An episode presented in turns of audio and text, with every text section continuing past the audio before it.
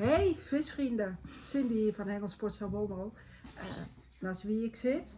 Heeft u nog een introductie nodig? Ik denk het niet. De enige echte Gijs Nederlof. Gijs, welkom. Ja, ja, leuk Cindy. Ik ben blij dat ik hier ook een keer ben. Het is weer eens wat anders dat ik die camera niet vasthoud, maar dat er nou een ander staat te filmen. En Cindy gaat mij natuurlijk heel moeilijk maken, vermoed ik. Dus ik ben benieuwd wat voor vragen ze allemaal gaat stellen vandaag. Cindy, ik zou zeggen, brand is los. Ja, ah, nou ten eerste leuk dat jij uh, in onze podcast uh, wilde. En voor de kijkers, uh, hij is op YouTube ook te bekijken met beeld. hey, Gijs, begin, ik begin bij het begin. Drie jaar geleden ben ik een hengelsportzaak per ongeluk eigenlijk begonnen. En uh, na een maand of vier kwam daar een hele vriendelijke reus in mijn winkel lopen. En die zei, hallo, ik ben Gijs. En ik kom eens even kijken wie nou Cindy is van Hengelsport Sabommel. Want die loopt allerlei dingen te gillen op Facebook en op Insta. Niet wetende wie Gijs is. En uh, nou ja, we hebben een superleuk gesprek gehad. En uh, ja, je hebt eigenlijk een beetje aan het begin van mijn content gestaan. wat tips gegeven. En daar ben ik je heel dankbaar voor. En eigenlijk was de boodschap Hou het gewoon simpel en ben wie je bent. Nou, je ziet wel, ik, bedoel, ik word meteen weer in het zonnetje gezet. Wat natuurlijk eigenlijk helemaal niet de bedoeling is. Maar het klopt inderdaad wel. Want ik, wat ik tegenkom in de hengelsportwereld is dat heel veel ondernemers die werkzaam zijn in die hengelsportwereld. eigenlijk helemaal weinig of niks doen met social media en filmpjes en dat soort dingen. Je kunt tegenwoordig als winkelier gewoon niet denken: s ik gooi die winkel open en ik word vandaag miljonair. Je moet gewoon actief bezig zijn. Dus ik was aangetrokken door die filmpjes van Cindy. Ik denk, nou, ik moet toch eens gaan kijken wie dat, wie dat rare mens is die daar allemaal die filmpjes maakt. Maar het werkt wel fantastisch goed. Ja, toch? ja nou, zeer zeker inderdaad. En uh, ja, het geeft me heel veel energie om te doen, ook om uitlegfilmpjes te geven. Ik heb natuurlijk een beetje van Gijs afgekeken. En um, winters had ik het nog niet uh, ontzettend druk. Dus ik heb heel de winter heb ik alleen maar filmpjes van Gijs zitten kijken. Van wat doet Gijs nou? Niet om jou te kopiëren, maar gewoon een beetje idee te krijgen. En uh, jij bent eigenlijk heel vrij divers met jouw filmpjes. Gewoon hele simpele filmpjes, terug naar de basis. En gewoon ja. een uitleg geven. Ja. Wat is jouw filosofie daarachter? Nou, in principe, de basis van de filmpjes is dat het laagdrempelig moet zijn. Het moet eenvoudig uitgelegd worden, want je komt er heel weinig filmpjes tegen in die markt. Waarbij je echt denkt, joh, wat moet ik daar nou mee? En als je zo'n filmpje gezien hebt, dan weet je hoe je het moet gebruiken. Wat ik vooral probeer is om vissen toegankelijk te maken voor zoveel mogelijk sportvissers. En een van de manieren om gewoon een nog leukere dag aan de waterkant te hebben, behalve dat 60% van de mensen die vissen natuurlijk dat alleen maar doet om thuis weg te zijn, want het allemaal simpel zijn. Het is ook niet altijd zo gezellig. En aan de waterkant is het top. En als je dan toch aan de waterkant gaat zitten, is het toch alleen maar lekker dat als je daar zit, dat je ook nog eens een keer een bak vis kan vangen. Want niks vangen is ook wel leuk, maar het is toch veel gezelliger als je gewoon een visje vangt. En dat is eigenlijk de insteek waarop ik een jaar of vijf, zes terug ben begonnen met het maken van dit soort filmpjes. En ik ben natuurlijk gespecialiseerd in het witvisgebeuren. Met name vissen met de feeder, met de vaste stok, met de matchhengel. Zowel op vijvers, op open water, als, nou ja, je kunt ze gek niet verzinnen. Ik maak ook wel filmpjes over zoutwater en over karpervissen en over andere dingen.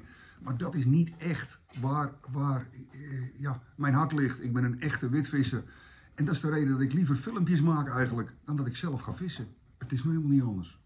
En uh, nou wil ik heel even uh, in jouw hoofd meekijken. Hè? Dat is moeilijk hoor. Ja, ja. Maar uh, hoe, hoe bedenk je nou zo'n filmpje? Pot dat in één keer op? Of heb je wat vragen om je heen gehoord dat je denkt van, nou ja, daar ga ik wat mee doen. Want zo doe ik het vaak. Ja. Dan hoor ik wat in de winkel terug van, joh, kan je dat nou uitleggen? En dan gaan wij daar een instructiefilmpje over maken. Werkt dat bij jou ook zo? Nou, het is meer een combinatie van. Ik heb natuurlijk de items die ik zelf meepak. En, en, en als basisuitleg, ik bedoel, je hebt zelf een hengelsportzaak. Nou, ik denk als we hier zo naar de items kijken die hier hangen, dan kun je met gemak duizend filmpjes maken. Want er zijn heel veel dingen natuurlijk waardoor je toch nooit goed weet of dat je nou met een 30 gram skorf moet gaan vissen of met een 60 gram skorf. En hoe zit het nou met die onderlijnen? Waar moet je nou op letten als je een hengel wil kopen?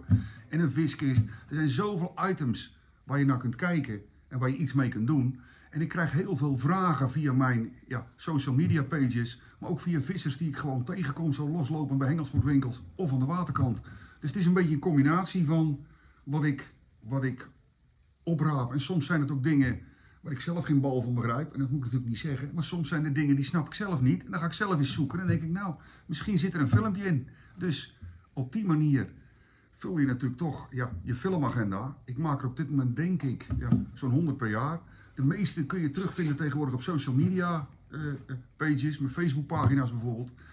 En ik, ik heb inderdaad ook nog een YouTube kanaal, maar dat is, is meer een archieffunctie. Waar je op je gemak nog eens kan gaan zitten bladeren in wat heeft die gozer nou precies gemaakt en wat is er te vinden. Maar je kunt mij altijd benaderen als je een vraag hebt over vissen. En het zou best zomaar eens kunnen dat ik je item gewoon oppak en dat ik daar een filmpje van maak. Dat is een beetje de achtergrond. Ja, Heel ja. uitgebreid verteld op een simpele Ja, vraag. precies. Ja, en eh, ik zie regelmatig ook gastvissers in jouw filmpje zitten, bijvoorbeeld Ja. William van Tongelo. Ja, dat klopt. Eh, vinden die dat niet moeilijk om dat eh, ja, met het gezicht in één keer op de camera te zitten? Nou ja, het 9 van de 10 keer als je natuurlijk niet gewend bent om in zo'n camera te kijken, dan is het vaak wel even wennen.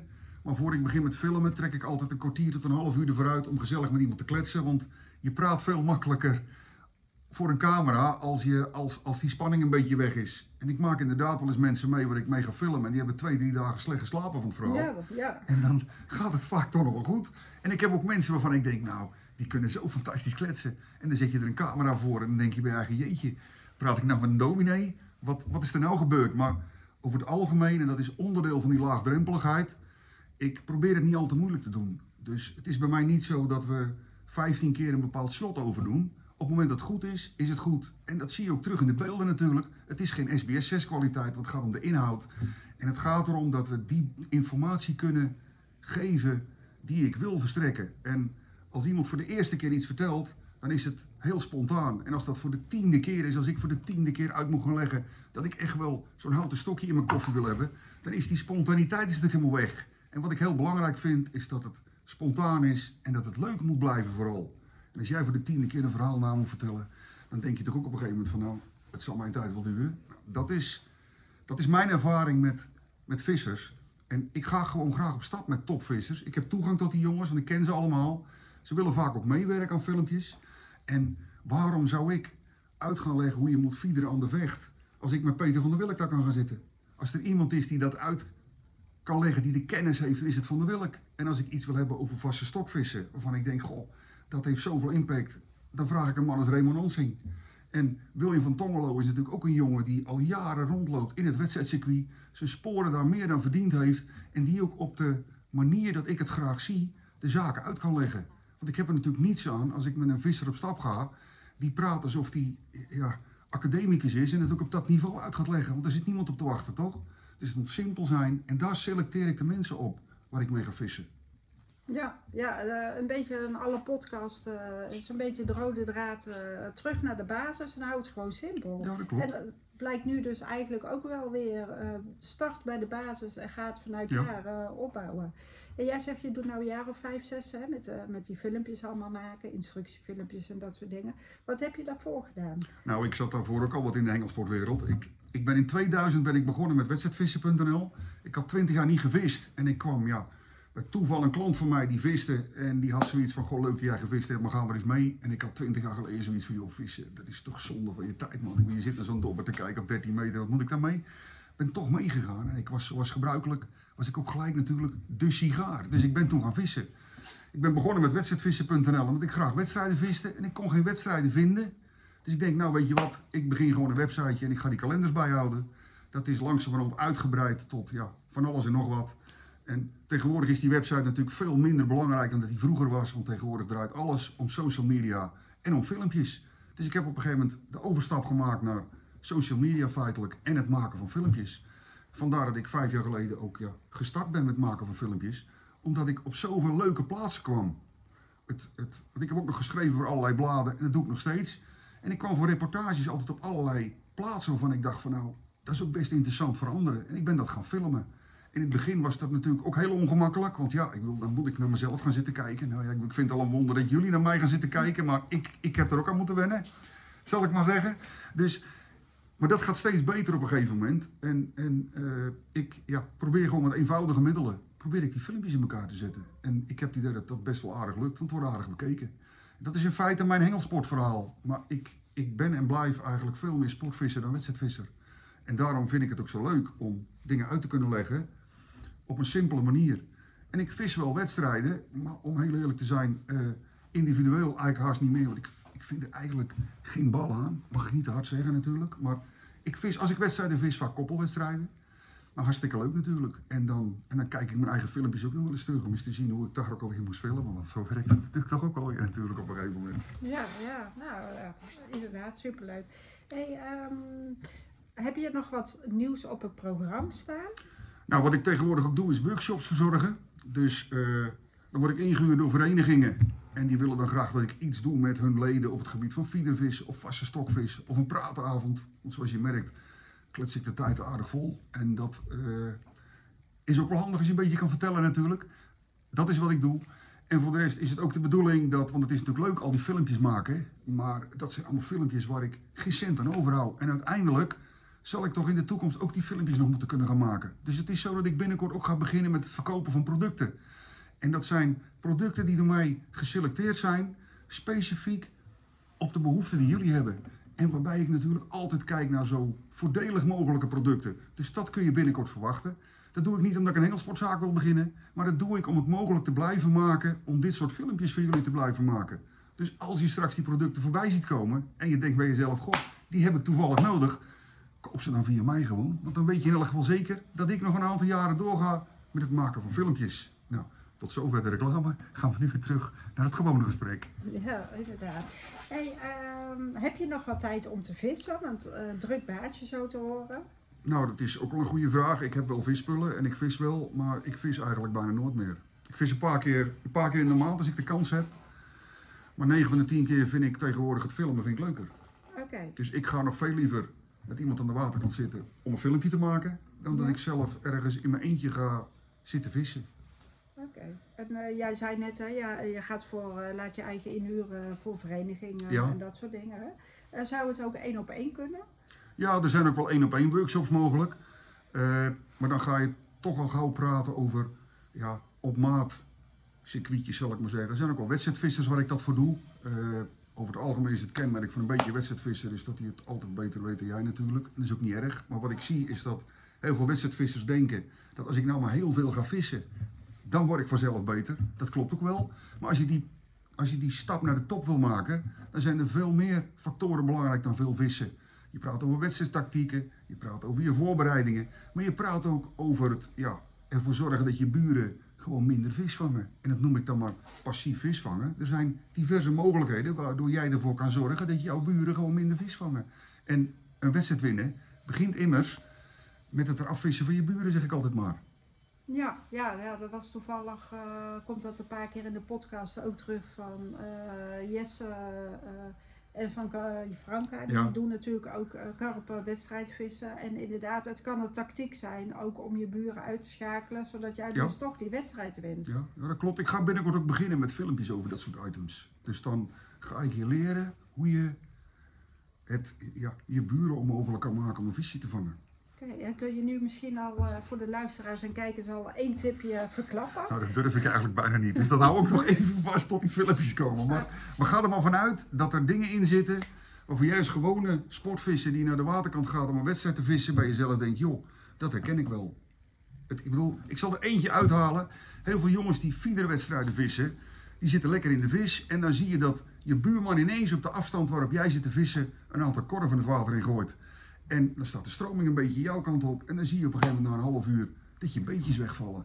Nou, dan zou het best wel eens kunnen dat er een ervaren jongen naast je zit die met een, eh, ja, met een stalen gezicht jou gewoon stuk gooit. Want als jij daar wat, wat, wat voer in gooit, wat niet zo vochtig is, wat in de bovenste lagen eruit gaat, met wat dode kasters erin, met zwarte kasters, die blijven wat hoger drijven en dat gaat dan over jouw voerplek heen. En wat denk je dat die vis doet? Die gaat erachteraan en dan vang jij geen biet meer of jouw stek is gewoon helemaal weg. Dat zijn van die kleinigheidjes en dat is er maar eentje, maar er zijn er tientallen van dit soort zaken die als je ze eenmaal weet, dan herken je ze. En het leuke is als je ze herkent, dan kun je ze zelf ook gebruiken. En dat zorgt er weer voor dat jij dus ook tegen die toppers of tegen die jongens die dit soort dingen doen, dat je daar ook gewoon kans tegen maakt. Want ja, ook wedstrijdvissen is net als voetbal, net oorlog.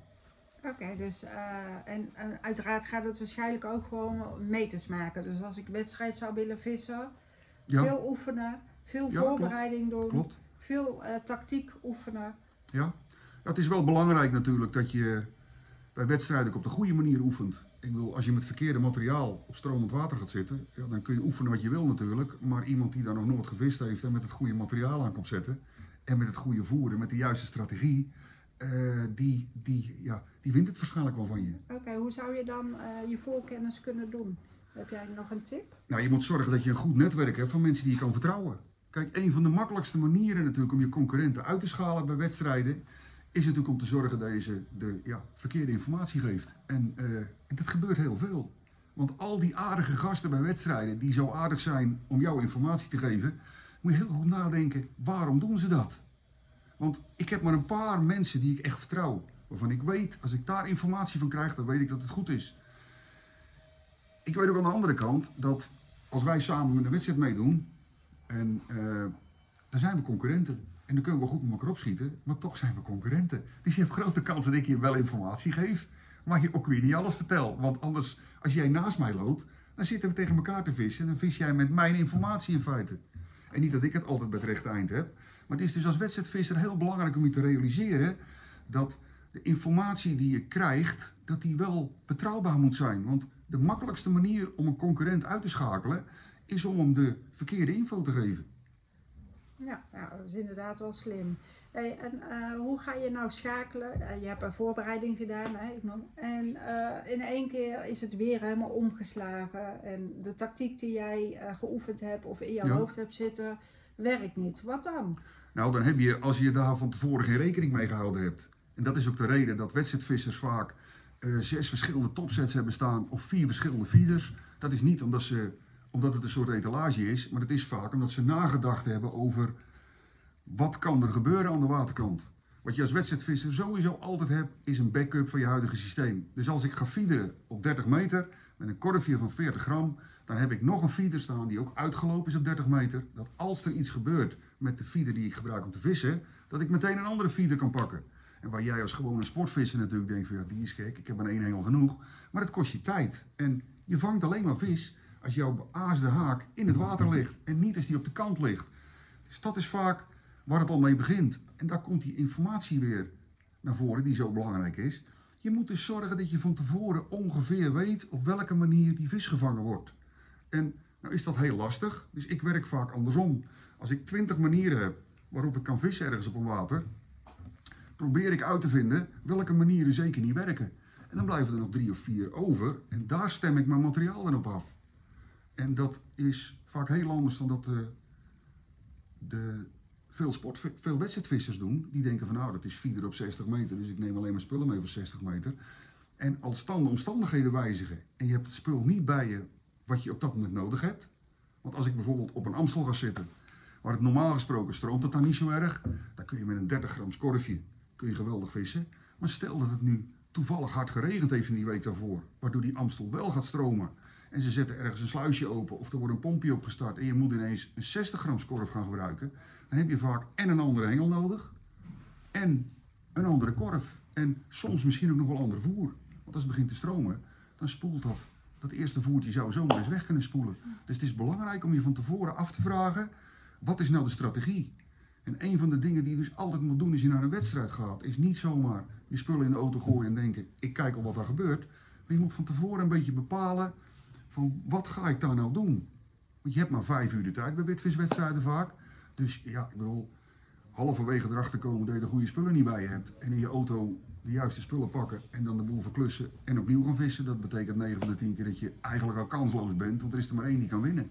En dat is dan ook nog vaak degene die niet alleen goed kan vissen, maar ook nog eens goed gelood heeft. Want loten is ook mega belangrijk bij wedstrijdvissen ja, tegenwoordig. Ja. Ik heb eigenlijk nog één uh, prangende vraag. Uh, nou, we het toch over vissen hebben. Alle podcasts komt ook een beetje terug. Het water ja. lezen.